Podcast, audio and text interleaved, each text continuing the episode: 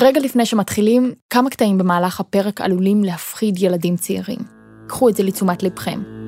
ועכשיו, אפשר להתחיל. שלום ענת. היום אנחנו בשיעור הודיה. על מה תרצי להודות הפעם? אני רוצה לומר תודה אה, על הפחד. על מה? על הפחד, על היכולת שלי לפחד. ענת, זה לא נשמע לי כמו משהו שהולם לומר בתחילת פודקאסט. זה מוציא אותך קצת... אה, מוזרה. מדריך רוחני יקר, אולי תשאל למה? למה? כי אם לא הייתה לי היכולת לפחד, הייתי חוטפת הרעלה, או נופלת מצוק, או מותקפת על ידי אריות, ובכל אופן, התוצאה הייתה שהייתי מתה.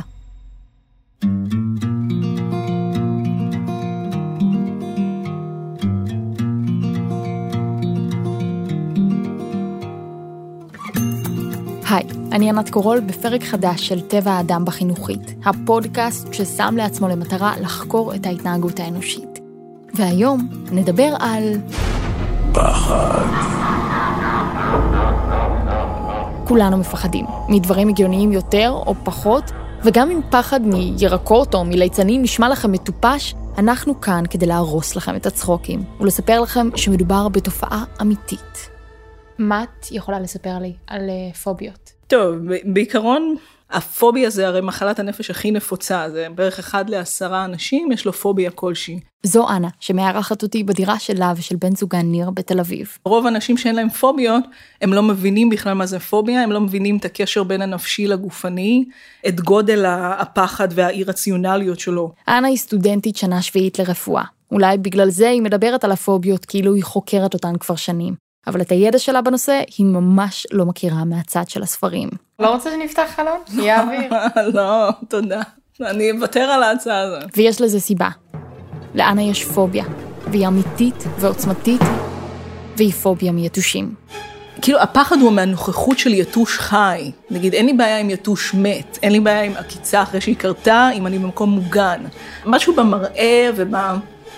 לא יודעת, בפחד הזה מזה שהוא כאילו בא לפגוע בי. וזה כולל את כל סוגי היתושים. אני נגיד נבלת מ... מתמונה של יתוש. ניר שלח לי פעם תמונה של יתוש. לא יפה, ניר. ב- בוואטסאפ או משהו כזה, ואני פשוט, הדופק עולה, ואני מזיעה, ואני כאילו, ואני כאילו בחרדה כזה, זה מין חרדה. ניסיתי להבין למה דווקא יתושים. נכון הם עוקצים, נכון הם מעצבנים כשהם מזמזמים באוזן באמצע הלילה, אבל לפתח פוביה דווקא אליהם מכל הדברים בעולם? פוביות יש מדברים מסוימים, יש דברים... זה דוקטור תומר שכנר, פסיכולוג קליני וחוקר חרדה. כמו למשל ג'וקים. אבל יש דברים אחרים בעולם הרבה יותר מסוכנים, שאין אין לגביהם פוביות, כמו למשל סכינים, כמו למשל רובים, כמו למשל מכוניות. והטענה הרווחת היא שיש כל מיני אלמנטים אבולוציוניים, שאנשים שפחדו מכל מיני דברים אה, כמו ג'וקים שמסמנים אה, לכלוך וריקבון, ופחדו מהם, ונמנעו מהם, ובעצם אלה האנשים ששרדו, ולמה לא רובים? פשוט כי רובים או מכוניות קיימים רק כמה מאות שנים, ועדיין לא הספיקו להשפיע על האבולוציה האנושית. אבל נשים רגע את האבולוציה בצד. זה חיה ארורה, מעבירה מחלות, מזיקה, חיה שלוקחת מיליונים של אנשים כל, כל שנה ממלאריה, מדנגה, זיקה ויירוס, זה טפיל שכל... והרשימה עוד ארוכה. אבל אם אתם רוצים סיכום בשלוש מילים, זה חיה מחורבנת. לא סתם אני שונאת אותה. פוביה, אם לא שמתם לב, היא לא הפחד הטוב והחיובי הזה שאפשר לנו לשרוד. אני כאילו אסרוק את הבית לפני שאני אלך לישון. וככה זה כל ערב, לפני שאנה הולכת לישון. אני עוברת קודם על התקרות בבית, ואז לפני השינה אני עוברת על התקרה בחדר שינה, וגם אה, אני ממתינה נגיד איזה חמש דקות, כי לא תמיד הם צצים באותו רגע. זו כבר פוביה, פחד לא רציונלי שיצא משליטה ומחבל באיכות החיים. אוקיי, השעה אה, עשר וחצי בלילה, אתם מתכוננים לישון, את אה, בשחיקה הקבועה שלך ואת חוזה ביתוש. מה קורה אז? אז קודם כל אני נלחצת, ואז אני קוראת לניר ישר.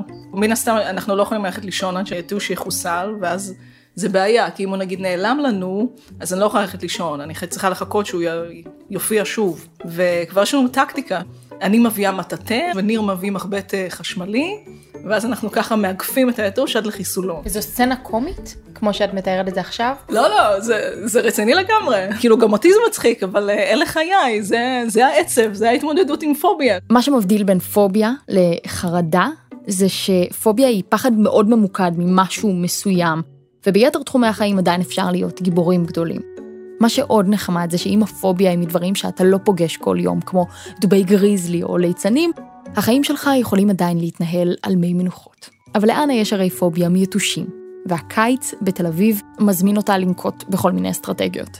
נגיד הימנעות ממקומות שיגרמו לפוביה להגיע. נגיד כמו גינה ציבורית, נגיד אצלי, כאילו החלונות אצלי סגורים במהלך היום.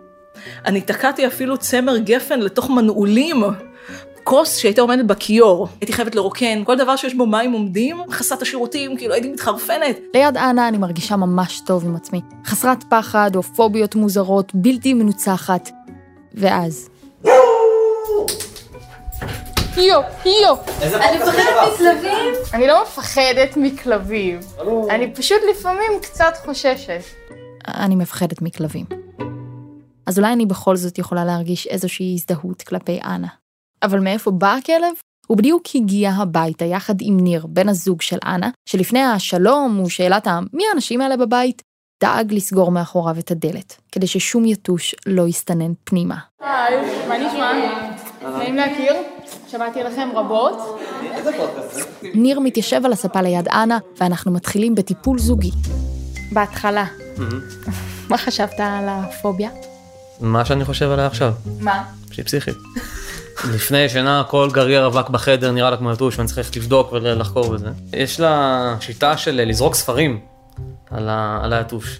עכשיו, מעבר לזה שהיא נראית לי לא אפקטיבית, היא גם משאירה לכלוכים על הקירות, והיא גם בעיקר פוטנציאלית יכולה לשבור חצי מהבית אם היא עושה את זה. אני מרגישה שהטיפול הזוגי לא הולך טוב כמו שדמיינתי. תרסני את עצמך, תפגיני קצת בגרות, תרצי מהחדר, תני לי לטפל אז בזה. לפני שעוד כביסה מלוכלכת תצא, אני משנה טקטיקה. האם יש משהו ביתושים האלה שכן עשה לכם טוב בזוגיות? אני חושבת שהרבה זוגות לא נאלצים לעבור כזה מבחן נאמנות. אני, אני חושבת שמבחינה זוגית זה כן כאילו חיזק לדעתי, כי אני יודעת שיש לי על מי לסמוך. אני יודעת שאם, כאילו, ניר כבר יודע שאם יש יתוש, אני מגיעה עם המטאטא, הוא מגיע עם המחבט, ואנחנו פועלים כ- כצוות, ואני אני יודעת כבר שהוא תומך בי בנושא הזה, זה עוזר.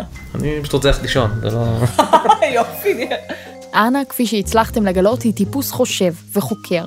וממש לאחרונה עלה לה איזשהו רעיון לפתרון.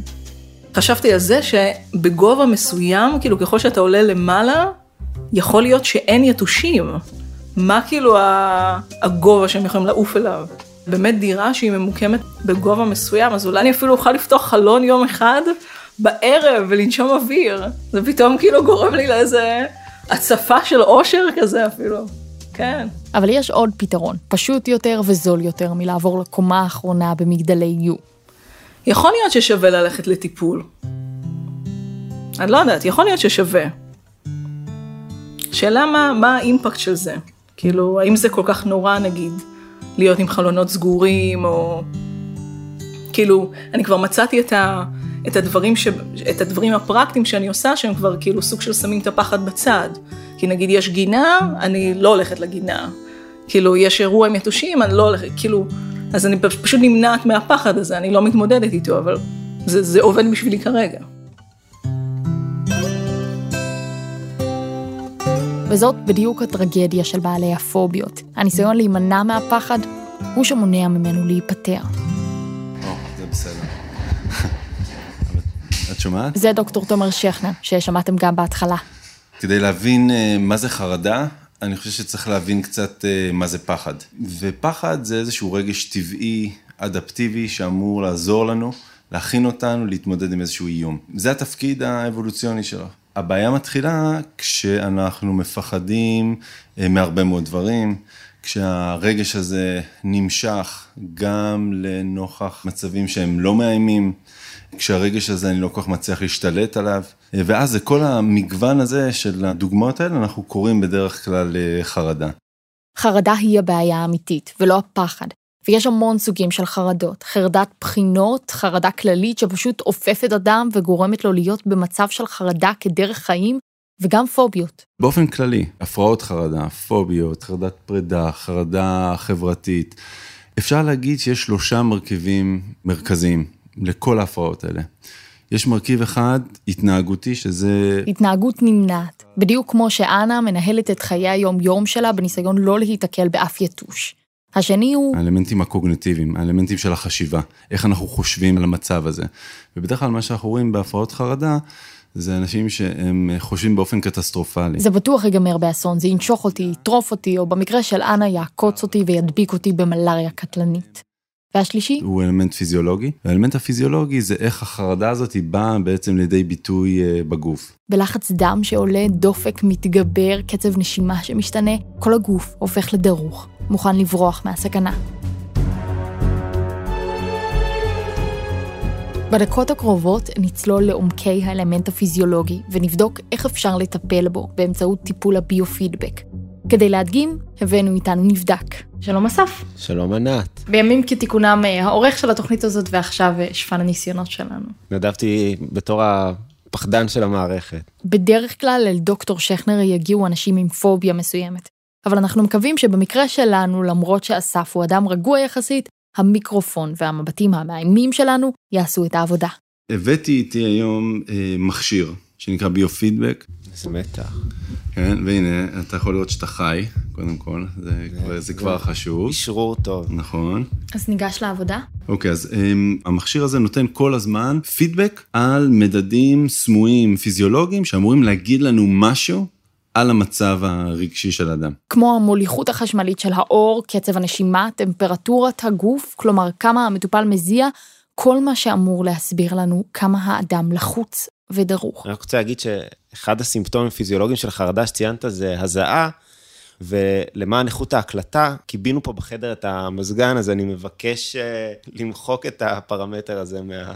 פרוטוקול. או במילים אחרות, אפשר אה, עוד איזה אולי טיפול חדש לחרדה, יהיה להפעיל, להפעיל את המזגן. רשמנו לפנינו, אפשר להתחיל.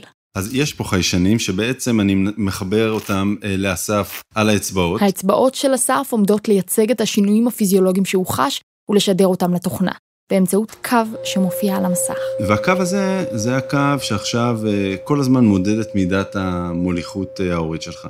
זה כמו עכשיו, מוניטור כזה, זה ממש נראה כמו מוניטור שעולה לאט לאט, איזה ציור נחמד. כן, קו שכאילו משרטט את המצב הפיזיולוגי שלך. ואז... כל מה שמבקשים ממני משהו, אני טס. הקו עף למעלה. בדיוק. אבל תומר רק מתחיל, הוא מחליט להעלות הילוך ולבקש מאסף להציף פחדים שיש לו או שהיו לו במהלך החיים. אני רואה בתור ילד נורא קטן. אני חושב, ארבע, חמש, לא מצליח להירדם מהמחשבה שיום אחד אני אמות, מה, מהניסיון לדמיין את הקץ, מהניסיון לדמיין את הנצח. ילד בן ארבע, נשבע לכם. עכשיו, אם אני אגיד, אה, אה, אסף, תעצום את העיניים, רוצה שתחשוב על המחשבות הקשות האלה שהיו לך כשהיית אה, יותר צעיר. ומה שאת רואה כאן, זה שכשביקשתי ממנו לעשות את זה, אז, אז רואים שהקו עלה. לגמרי. זה בסך הכל קו על מסך מחשב שעולה ויורד לסירוגין. אבל הוא מראה לנו שברגע שאנחנו מפחדים, אלה לא רק מחשבות רעות שמתגנבות לראש, אלה דפיקות הלב, קצב הנשימה ושאר המדדים הפיזיולוגיים שלנו שמשתגעים. ולפעמים כל מה שצריך לעשות כדי להילחם בפחד הוא לנסות להרגיע אותם. ועכשיו אתה יכול פשוט להסתכל על זה, ועוד פעם לנסות אה, להרגיע את הקו, לחשוב נגיד על דברים שהם אה, דברים טובים, לנשום באופן... אה, סדיר, לשים לב לכל נשימה ונשימה, להתרכז בשחרור ובהרפייה, בשחרור. אני באמת מנסה להתרכז ולהוריד את הקו. כאילו, זה הכי, הכי, נראה לי שהכי קל זה, זה להרגיש את הקו יורד, באמת להיכנס מין מקום כזה של, של כאילו, של, של שקט, אבל זה שקט שמזכיר את מה שאני עושה כשאני רוצה ללכת לישון.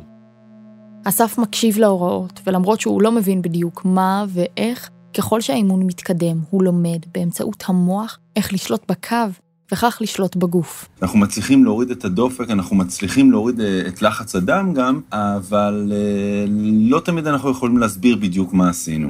וזה גם כן תהליכי למידה שאנחנו חושבים שקורים בתוך סשן אה, כזה של ביו-פידבק. וכשהאדם יצא מהטיפול, מה הוא אמור לעשות בפעם הבאה שהוא רואה או שומע או חושב על אותו דבר שגורם לו לחרדה? אז, אז הוא אמור באיזשהו מקום אה, לנסות ולהכליל את הלמידה הזאת שהוא עושה בתוך הטיפול מול הביו-פידבק, גם במצבים אה, אחרים. תחשבו על הקו כמו שיקום באמצעות קביים. בהתחלה אנחנו חייבים אותם כדי ללמוד את הבסיס, וככל שאנחנו יותר מאומנים, אנחנו צוברים יותר אומץ, עד שבסוף אנחנו יכולים לעמוד לבד על הרגליים. בביו-פידבק, כשהמטופל יצא החוצה אל העולם האמיתי וייתקל בדבר שגורם לו לחרדה, הגוף שלו יזכור את השיטות שלמד במעבדה, גם אם באופן לא מודע, והוא יצליח להתמודד בכוחות עצמו. זהו, מעולה. הבראתי, סתם. איזה חום, אלוהים. אסף סיים את הניסוי שלנו והוא ממשיך בחייו. לפעמים הוא עוד יהיה קצת חרד מהלא נודע או מאיך נספיק לסיים לעבוד על הפודקאסט הזה, אבל ברוב ימיו ולילותיו הוא יהיה בסדר גמור. בזמן הזה, מסביבו ומסביבי, מהלכים אנשים שלא ישנים בלילות ולא מתפקדים בימים. וזה לא משהו שהם נולדו איתו או שהתפתח עם השנים. זה משהו שהופיע בן רגע ומלווה אותם כל הזמן. פוסט-טראומה. נשאל אותך קודם שאלה, מה, כשאת נכנסת לאירוע, מה את רואה? אמ, אני רואה, אני קודם כל מסתכלת אה, על האנשים, מחפשת אנשים שאני מכירה, אה, אה, רואה איפה השירותים, זה דבר נורא חשוב, אולי איפה יש אוכל, שתייה, נשנושים, כאלה דברים. את יודעת מה אני הדבר הראשון שאני רואה באירוע כזה? אני מחפש את היציאות חירום, לראות איפה אני יכול לפנות את כולם. דבר שני, אני רואה, אני מחפש מי נראה חשוד. דבר שלישי, אני בודק שהמוזיקה לא גבוהה מדי כדי שנוכל להקשיב לשיחות של אנשים, כדי שאולי אני אזהה שזה משהו שעלול להפריע לי. זה דרור זיקרמן, יש לו מבנה גוף של מרים משקולות, והידיים הקפוצות מונחות מלפניו במשך כל הראיון, כאילו הוא מוכן לצאת לקרב. פוסט-טראומה, יש המון סימפטומים שהם מאוד דומים להפרעת חרדה, אה, אבל מה שצריך להיות בפוסט-טראומה, זה איזשהו אירוע שהתרחש באמת בעולם לאותו אדם, שסיכן אותו באופן מאוד משמעותי מבחינה גופנית או מבחינה אה, פסיכולוגית, ושבעקבות האירוע הזה התחילו להתפתח אה, סימפטומים חזקים של חרדה. השנה היא 2005. 29 דצמבר. דרור, סמל ביחידת נחשון בחטיבת כפיר, מוצב במחסום בטול כרם. קיבלנו התראות על אה, קבלת מחבלים לבצע פיגוע בשטחי אה, ישראל. דרור ואורי המפקד בודקים רכב אחר רכב ועוד אחד. ואז מגיעה מונית. אה, היו שמונה, שמונה, שמונה נוסעים. חשדתם? כן. דרור מכוון לעברם את הרובה, ואורי מבקש תעודות. העמדנו אותם בשורה, בדקנו אחד-אחד. כשהגענו למחבל, אני רציתי לראות, אורי אמר לי לא לראות, לפי פקודות צה"ל, עד שאין זיהוי מדויק, אסור לירות. ואז הסתובב אליו והמחבל התפוצץ.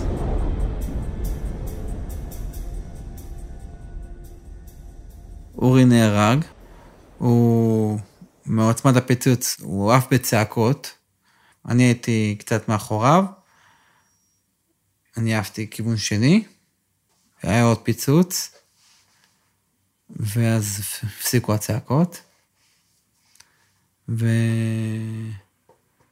סגן אורי בינמו, זכרו לברכה, לא עומד בעוצמת הפיצוץ, הוא נהרג במקום. דרור נותר שרוע על הקרקע, בהכרה, עם רגל מרוסקת ומלא רסיסים, עד שמסוק ורופא צבאי מגיעים. תוך כדי טיסה במסוק, הוא רואה שאני מאבד דם בכמויות, ומשנה את נתיב הטיסה. לי ליפה שזה חמש דקות. זה מה שהציל את החיים. הגעתי לבית חולים, נתנו לי בערך 20 מנות דם. דרור עבר כמה ניתוחי חירום, ואחרי שלושה ימים בקומה, התעורר. בהתחלה בכלל התעוררתי, לא הבנתי מה רוצים, מה רוצים מהחיים שלי. זכרת את מה שקרה? לא. לא זכרתי כלום. המשפחה והחברים לא עזבו את דרור לרגע. בהדרגה הם סיפרו לו שאורי נהרג, ושיחד הם מנעו פיגוע התאבדות ענק בשטח ישראל. דרור התחיל בעצמו להיזכר בפרטי האירוע, אבל לא היה לו הרבה זמן להתעסק בזה, כי בכל רגע נתון היו לצידו אנשים שדאגו לו וטיפלו בו. היה מסביבי מלא אוכל, מלא אנשים, מלא מלא אנשים, מתנדבים ורופאים וחבר'ה מהפלוגה וחבר'ה מהצבא ואנשים מהתקשורת שרצו לראות וכל מיני מפקדים בכירים שבאו לבקר אותי. ברגעים האלה שכולם מבקרים וכולם מרעיפים עליך אהבה ואוכל והכול. אתה מרגיש הכי ערום בעולם. אחי? ערום. אתה לא מבין, אומרים לך, אתה גיבור, עשית מעשה מטורף, מנעת פיגוע, עשית ככה, אבל אתה רואה את זה רק בתור אה, כואב לי ואני רוצה לעוף מפה. אחרי שלושה חודשים דרור משתחרר מבית החולים וממשיך בשיקום שנמשך שנה וחצי. בזמן הזה כולם מסביב לדרור משדרים לו מסר אחד שהוא מתחיל להאמין בו. איפה אתה הרגשת את עצמך עם דמות הגיבור? זו הרגשה ממכרת קצת בהתחלה, ואחר כך אתה מבין שאתה... גיבור אתה לא מרגיש. להפך, אתה מרגיש הכי פחדן בעולם. אז סבבה, אז, אז מנעתי פיגוע, אוקיי. אבל אורי נהרג, אז מה, מה, מה, מה יצא לי מזה? מה יצא לי מהמניעה הזאתי? השיקום הפיזי עבר בהצלחה. דרור ניסה להיות כמו כולם ויצא לטיול הגדול בדרום אמריקה. אבל כשחזר, בערך שנתיים אחרי האירוע, כל התסמינים שמאפיינים אדם עם תסמונת דחק פוסט-טראומטית החלו להופיע. אני קם בבוקר ומתנהל מתנהל רגיל, ופתאום אני חווה איזה פלשבק או איזה סיוט או איזה משהו שעבר עליי מהבוקר, וכל המצב רוח מתהפך, כולי משתנה לגמרי. מאדם שמח אתה הופך לאדם עצבני, לחוץ, כעוס. פעם הייתי יכול להישאר ככה שבועות. והטריגר שמקפיץ את הפיוז יכול להיות צלצול טלפון מקפיץ אותי, רעש קטן של איזה, לא יודע מה, משהו שנופל. סתם דוגמה, אתה קם בבוקר, אתה יוצא מהרכב, מישהו עוקף אותך בכביש. אתה עצבני, נהיה עצבני מזה. אתה רואה אותו בתור איזה אויב שבא להפריע לך את, את סדר היום שלך, ואתה צריך לט, לטפל בו כמו שמטפלים באויב. ומה אתה עושה פיזית? מתפוצץ בפנים. זה הכל פנימי. אתה שומר את זה, שומר את זה כל היום בפנים, אתה מגיע הביתה, או שפורק את זה בבכי במיטה, או שאתה פשוט מתחיל לשבור דברים ולחכות שזה יעבור. ולסיוט שעובר על דרור במהלך היום, מתווסף גם הסיוט שעובר עליו במהלך הלילה. אתה לא ישן בלילה, אתה עצבני כל הזמן, כל הזמן עונות אותך מחשבות. עד שזה מגיע לכדי רצף של סיוטים בלילה, שאתה לא ישן, שאתה מגיע למצב שאתה ער כמה, כמה ימים ברצף, ו... ואתה לא מנהל חיים תקינים. וככה דרור חי. הוא כמעט לא יצא מהבית, בקושי הצליח לסיים את התואר הראשון, לא החזיק בעבודות וגם פחד לחפש אחרות ולהיכשל גם בהן, הוא לא הצליח לתחזק זוגיות, וחש פחד וזעם ותחושת כישלון, שנובעים כולם מהחרדה מפני ההתמודדות עם העולם. זה לא החיים כל כך, אוקיי. למה? כי אתה בבית לבד, אתה לא יוצא. אתה בן 30, שפשוט אה, אתה רואה את כל החברים שלך בחוץ מבלים, לומדים, עובדים, ו... איפה אתה בכל זה? שלוש שנים מאז האירוע, ודרור היה בבית הלוחם. התיישב לידו איזה בחור מעט יותר מבוגר, שהתחיל לשאול שאלות. תגיד, אתה יושב, אתה יושב עם, הפ, עם הפנים לדלת, נכון? אמר לו, כן. יופי, גם אני. למה אתה יושב עם הפנים לדלת, אתה יודע? אמר לו, לא יודע, ככה יצא. זה לא. אתה מסתכל פשוט לראות מי מגיע. אתה לא סומך על אף אחד. אמרתי, בואנה. נפל לי האסימון, כאילו, תוך כדי השיחה. למה אתה לא מסתובב בין אנשים? ולמה אתה לא אוהב קהל? למה אתה לא אוהב רעש? למה אתה קופץ מכל בום קטן? לא כל האנשים מפתחים PTSD, זאת אומרת, בקבוצה של אנשים שנחשפה לאיזשהו אירוע טראומטי וקשה, רוב האנשים לא יפתחו PTSD, חלק קטן יפתח תסמינים של פוסט-טראומה, ובאמת חשוב שאת האנשים האלה, אנשים שהם בסיכון, אנשים שהם עלולים לפתח תסמינים פוסט-טראומטיים, אז שבהם אפשר יהיה לטפל מוקדם ככל האפשר. זה לא היה לך איזושהי נקודת אור של אני יודע מה יש לי? לא. אני מבין? לא, זה היה נקודת השפל הכי קשה, שאני יודע מה יש לי. אתה לא יודע, אתה יודע שאין לך שום סיכוי להיפטר מזה. כי אתה מבין שזה מצב שדרדרת את עצמך אליו עקב חוסר טיפול. עקב חוסר טיפול בנפ... אה, בנפש, דרדרת את עצמך לזה. למרות כל התיאורים הקשים, כשהגעתי לדרור הוא פתח את הדלת בחיוך, הציע לשתות קפה ומים והצחיק אותי קצת. היה לי קשה לחבר בין דרור שנמצא איתי בשעות האחרונות לבין דרור שבסיפור. ואז הוא הסביר. אני, מאז ועד היום, אני חי בגלים. פעם אני עולה, פעם אני יורד, פעם אני שמח, פעם אני עצוב, והכל אצלי בקיצוניות. אבל זה מתחיל להתאזן. מאז שהתחלתי את הטיפולים, אה, בשנה וחצי האחרונות, הצלחתי ללמוד לשלוט בסטרס באמצעות הגוף שלי. שיטות הטיפול, ממש כמו בפוביה ובהפרעות חרדה אחרות, מתמקדות בחשיפה לטראומה, במקום בניסיון להתעלם ממנה. שיטות אחרות מתמקדות בשליטה של האדם על הגוף שלו, והרגעה עצמית של התגובות הפיזיולוגיות. יש לי מטפלת שהיא מומחית בשיטה שנקראת אה, חוויה סומטית. זוהי שיטה פסיכותרפית להתמודדות עם טראומה, שמנסה להפחית את האינסטינקטים ההישרדותיים שפועלים אצל הפוסט-טראומטיים בצורה מוגברת. היא מתמקדת בקשב ושליטה בתגובות של הגוף. זו שיטה שעובדים נטו עם, ה... עם האנרגיות של הגוף, עוצמים עיניים, עושים קרקוע ברגליים, קרקוע זה לשים את הרגליים על הרצפה ולהרגיש, לדמיין שורשים שיוצאים, וממש להתחיל להרגיש איפה הסטרס נמצא, לפי ההנחיות של המטפלת.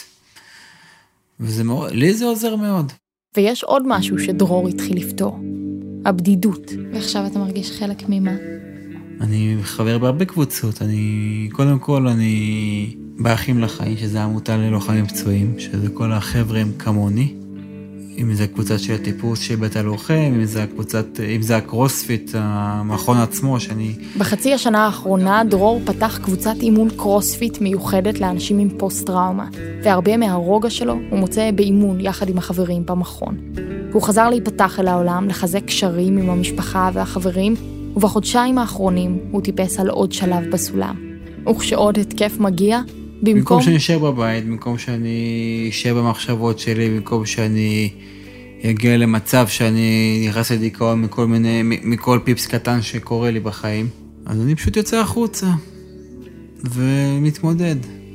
פעם לא הייתי עושה את זה. וגם השיחה הזו שלנו היא חלק מההתמודדות. דרור התחיל לשתף בסיפורו, בפייסבוק, בשיחות נפש עם חברים, בטיפולים, וכאן, בפודקאסט. ונטש לגמרי את הדמות שדבקה בו. כשאתה מייחס לעצמך דמות גיבור, אז אתה לא משקם את עצמך, ואתה לא נכנס לעומק לדברים, לכ... לכאבים שלך ולמה שאתה מרגיש. כי מה הגיבור באמת הרגיש? הגיבור יש סיוטים, והגיבור יש סטרסים, והגיבור אה, בוכה בלילה, והגיבור לא יושן בלילה, והגיבור אה, לוקח כדורים. והגיבור לפעמים רוצה למות, גם הגיבור פעם היה רוצה למות. אז מה שווה להיות גיבור אם אתה... אם, אם אתה חי בתחושה של... אה, של טירוף, ואז אתה לא מטפל בעצמך, בהיבט הנפשי. וברגע שהפחד והאימה לא מטופלים, נוצרת מפלצת והיא גדלה וגדלה, עד שהיא לא נותנת מקום לשום דבר אחר. הדרך היחידה לגרש אותה היא קודם להכיר בה, להתיידד איתה, ואז להתחיל לטפל. דרור עדיין קופץ למשמע צלילים חשודים ומחפש יציאות חירום, אבל מרגע שהתחיל להתמודד, יש לו כבר שאיפות גדולות יותר לעצמו. איפה אתה רואה את עצמך עוד כמה שנים? שאיפה? כאילו חלומות וכאלה? מציאות. אה, בגדול, שואף לעזור לאנשים כמוני, לעודד פצועים ופוסט-טראומטיים ללכת לטיפול, לא להדחיק כמוני שלוש-ארבע שנים קדימה ולסבול מהתוצאות. ושאיפה שלי זה להיות שמח. להיות שמח באמת, זה החלום שלי, בגדול. משפחה, זוגיות, ילדים. אם יצא, אז בכיף. אני מאמין שזה יגיע. ומה ההמלצה שלך לבת זוג העתידית? שא', א', שלא תקרא לי גיבור, קודם כל, ושתכיל, שתדע שאיתי לא קל, אבל כיף איתי, נראה לי, בגדול.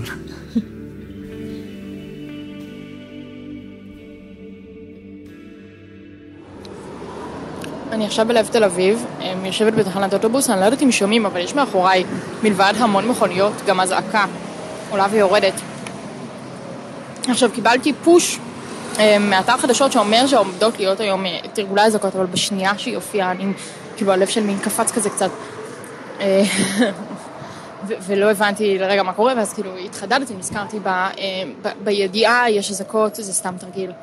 הכל בסדר, אבל ההקפצה הזו, הדריכות שיש בהתחלה, כאילו, היא עוברת, אני נרגעת, אבל הלב עדיין קצת לחוץ ודרוך. כשישבתי שם בתחנת האוטובוס מיד חשבתי על דרור, וניסיתי להבין איך זה מרגיש להיות ככה, רק פי מאה, כל הזמן. ותהיתי אם פוסט-טראומה היא דבר שאי אפשר באמת להיות חסין אליו, משהו שקיים במידה כזו או אחרת בכל אחת ואחד מאיתנו, בין אם מדובר בחוויה פרטית שאנחנו נושאים איתנו, או חוויה שמשותפת לכולנו. זה נכון שענת התקשרה אליי לפני בדיוק שלוש דקות לספר לי על הניסוי צופרים, זה אסף. אבל איך שהתחילה האזעקה, קפצתי. זה מצד אחד. מצד שני, אני פה ברחוב, בדרום תל אביב, כאילו, אנשים די מהר התרגלו לאזעקה. אני חושב שיש פה, זה מראה די יפה, את שני הצדדים של, ה, של הטראומה.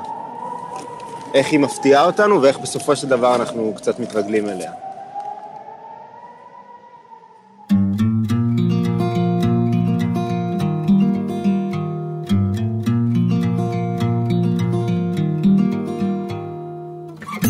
הפודקאסט טבע האדם הופק על ידי יולי-אוגוסט הפקות בעבור החינוכית. אני ענת קורול, את הפודקאסט ערך אסף בקר. איתי חברות במערכת ניבי אוזן, יולי שילוח ולי גאון, מרינה מיינסטר היא היועצת הפסיכולוגית. ירעם נתניהו הוא יועץ הלשון, המפיקות שלנו הן ליהי גולדברג ודלית צלניקר. עידית מיסטריאל היא המפיקה הראשית, עמית סטרטינר הוא העורך האחראי, וליסה שילוח היא המפיקה האחראית. האחראית מטעם החינוכית היא שרון ויינברג שפיגלר. עריכת הסאונד נעשתה על ידי עודד דוידוב. אנחנו נשתמע בפרק הבא של טבע האדם בחינוכית.